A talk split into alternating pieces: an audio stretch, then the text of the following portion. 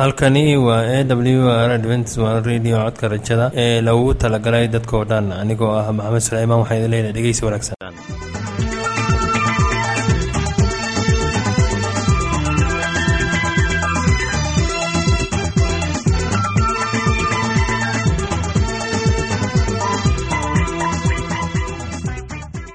barnaamijyadeena maanta waa laba qaybood. Qaybta kuwaad waxaad ku maqli doontaan barnaamijka nolosha qoyska. Kadib waxaa inoo raaci doonaa cashar inaga yimid bugga nolosha.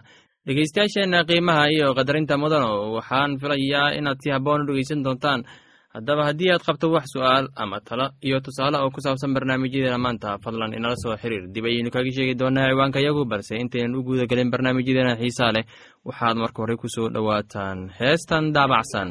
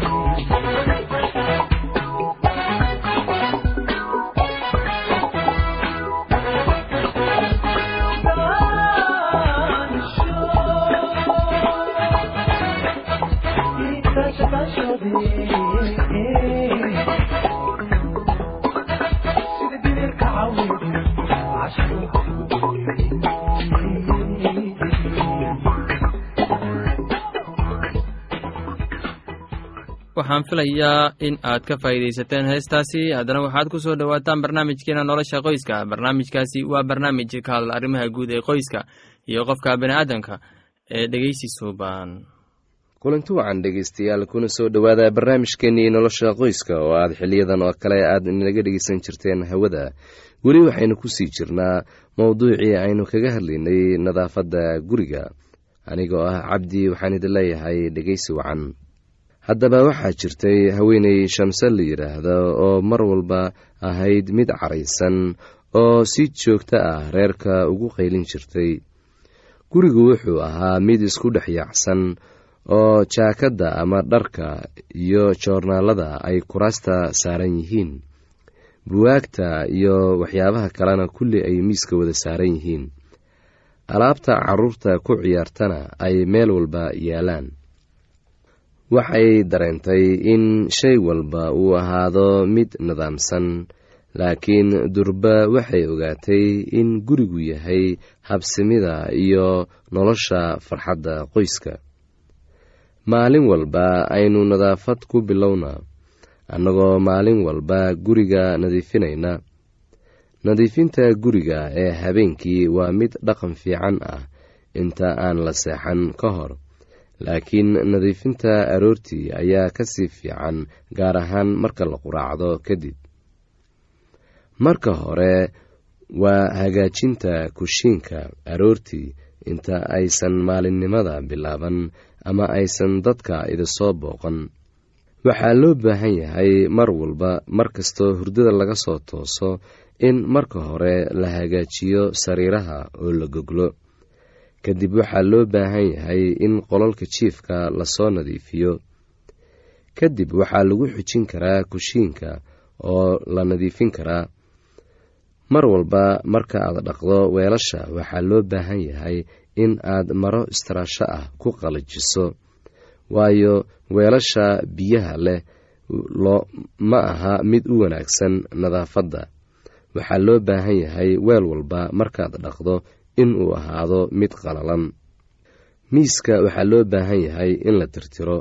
Weelasha oo dhanna la wada dhaqo cuntada soo hartayna waxaa loo baahan yahay in lagu daro meelaha wasaqda loogu talagalay. Subax walba marka aad bilowdo nadaafadda daaqadda dhowr daqiiqadood fur oo hawada ha soo gasho waxaana loo baahan yahay in guriga dhammaan daaqadihiisa la wada ballaqo si qoraxda iyo hawada ay guriga u soo galaan. Haddaba gurigu wuxuu leeyahay sida caadada ah addoore u gooni ah ama shiir u gooni ah. Kaasna waxaa ka baabi'in karaa marka albaabada la furo. Matalan raashinka lagu kariyo kushiinka ayaa waxay gurigoo dhan ku yeelan kartaa saameyn taana waxaa looga bixi karaa in guriga daaqadaha loo furo. Sidoo kale waxaa loo baahan yahay in guriga laga buufiyo xasharaadka baranbarada iyo duqsigaba. Haddaba waxaad u dhaqaaqdaa qolalka kale ee ay ka mid yihiin sida fadhiga ama qolalka wax lagu akhristo. Had yo goor waxaa loo baahan yahay alaabada in meel walba meel walba oo laga keenay alaabtaasi in lagu celiyo. Haddii ay tahay buwaag la akhrisanayey waa in lagu celiyaa shalafkii laga soo qaaday. Haddii ay tahay waxyaabo kale sida rediyo oo kale waxaa loo baahan yahay in meeshiisii lagu celiyo. Haddaba haddii shay walba lagu celiyo meeshii laga soo qaaday gurigu wuxuu noqonayaa mid nidaamsan oo habboon waxyaabaha ugu daran waxaa ka mid ah marka hawsha guriga ay isbiirsato. Waxaa la hubaa in hawsha guriga haddii ay isbiirsadaan ay noqonayaan howl badan. Taana waxay sababi kartaa in qofka guriga hagaajinaya uu wahsado. Waxaa sidoo kale loo baahan yahay in qof walba uu xil iska saaro nadaafadda guud ee guriga waa in carruurta la baraa sidii aysan u halayn lahayn guriga sida haddii ay noqoto ku qoridda derbiyada. Waxaan ognahay in carruur badani ay ku qoraan derbiyada ayagoo qalin ku qoraya ama qad. Waxaa loo baahan yahay in carruurta loo sheego oo mar walba laga dhaadhiciyo muhiimadda ay leedahay nadaafadda guriga. Sidoo kale waxaad arkaysaa in dad badani ay qashinka guriga hortiisa dhigaan ama meelaha dariiqa ah ee la marayo. Ama waxaad arkaysaa in marka ay dhaqayaan dharka wasaqda ka soo hartay ay mararka qaarkood dabaqyada ka soo daadiyaan. Waxaana taa dhici kartaa in dad kale oo dariiqa maraya in biyihii wasaqda ah ay gaaraan. Haddaba waxaa loo baahan yahay in qof walba oo reerka ka tirsan la baro nadaafadda guud ee guriga iyo xaqdhowrista deriska. Waa in laga shaqeeyaa dhiraynta guriga sida ubaxa oo kale oo lagu talaalo guriga hortiisa iyo dhirta oo la waraabiyo. Dhegeystayaal waxaan ognahay in guriga nadaafaddiisu uu wanaagsan yahay ay dadka dhan ay aada ugu farxayaan waana waxa qofka lagu qiimeeyo dadnimadiisa waayo qofka gurigiisa ka adkaan waayo runtii wax kale oo uu ka adkaan karo ama uu qaban karo haba yaraatee ma ay jirto. Waayo qofka gurigiisa haddii uusan ku dadaalin haba yaraatee wax kale uu qaban karo ma jirto. Meel walba oo mas'uul looga dhigana sidaas ayuu u halaynayaa haddaba waxaa loo baahan yahay in carruurta marka ay yar yihiin lagu barbaariyo nadaafadda guriga waxaan filayaa inaad ka faa'iidaysateen barnaamijkaasi. Haddaba haddii aad qabto wax su'aal ama tala iyo tusaale fadlan inala soo xiriir. Ciwaanka yagu waa codka rajada sanduuqa boosada afar laba laba todoba lix nairobi kenya. Mar labaad ciwaanka yagu waa codka rajada sanduuqa boosada afar laba laba todoba lix nairobi kenya. Imeilka yagu waa somali at a w r o r g. Mar labaad imeilka yagu waa somali at a w r o r g. Ama barta internetka ciwaanka yagu oo ah w w w dot codka rajada dot o r g mar labaad ciwaanka yagu waa w w w dot codka rajada dot o r g ama waxaad inagala soo xiriiri kartaan barta emesonka ciwaanka yagu oo ah codka rajada at hotmail dot com. Haddana kabawasho wacani heestani soo socota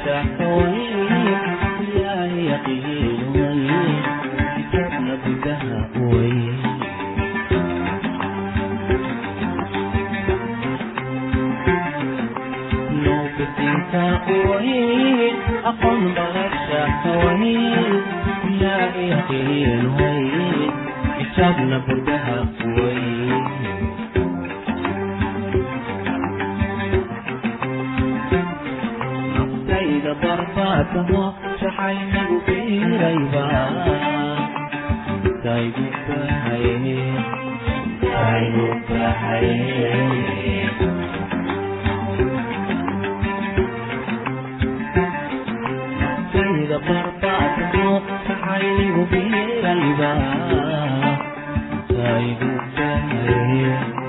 taygu bahaye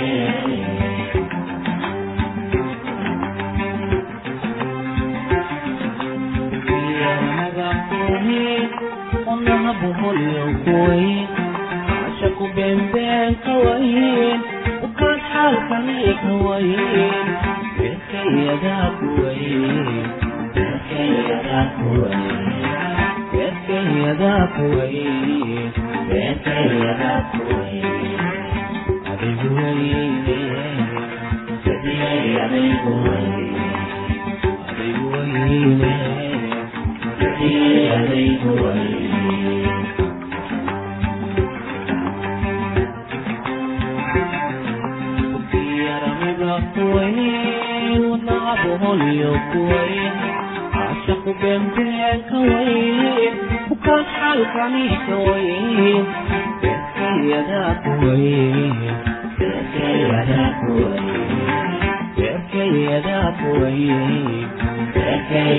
kuwayn adaygu wayne sadiyay adaygu wayne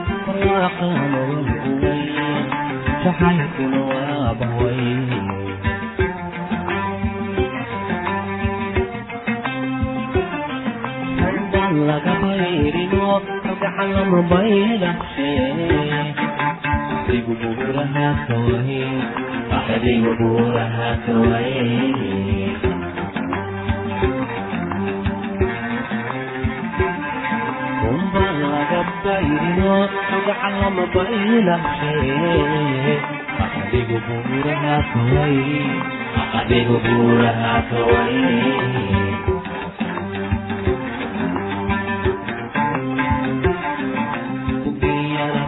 kuwayn wadnaha buholyo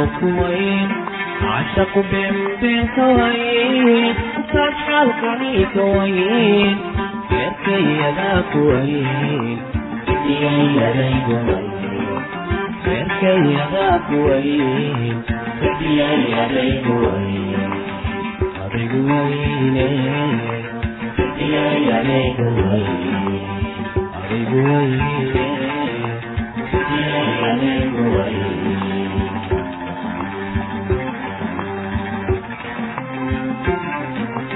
adaygu wayne wadnaha buhoniyo kuwayn caashaqu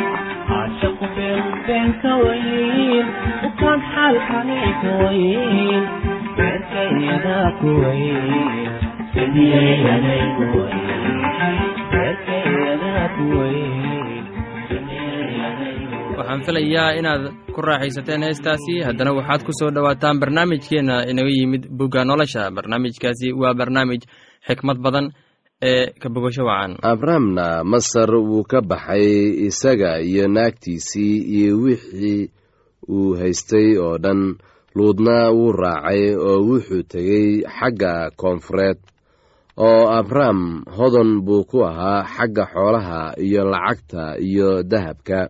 Xagga koonfureed ayuu ka tegey oo wuxuu u socdaalay ilaa beytel meeshii bilowgii ay teendhadiisu ahayd ee u dhexaysay beytel iyo cay ilaa meeshii allabariga oo uu horaantiisii halkaas ka sameeyey oo meeshaasuu abram magaca rabbiga kaga baryootamay oo luud oo isna abram la socday wuxuu lahaa ari iyo lo iyo teendhooyin dhulkuna ma uu qaadi karin iyaga hadday wada deganaan lahaayeen waayo xoolahoodu way badnaayeen.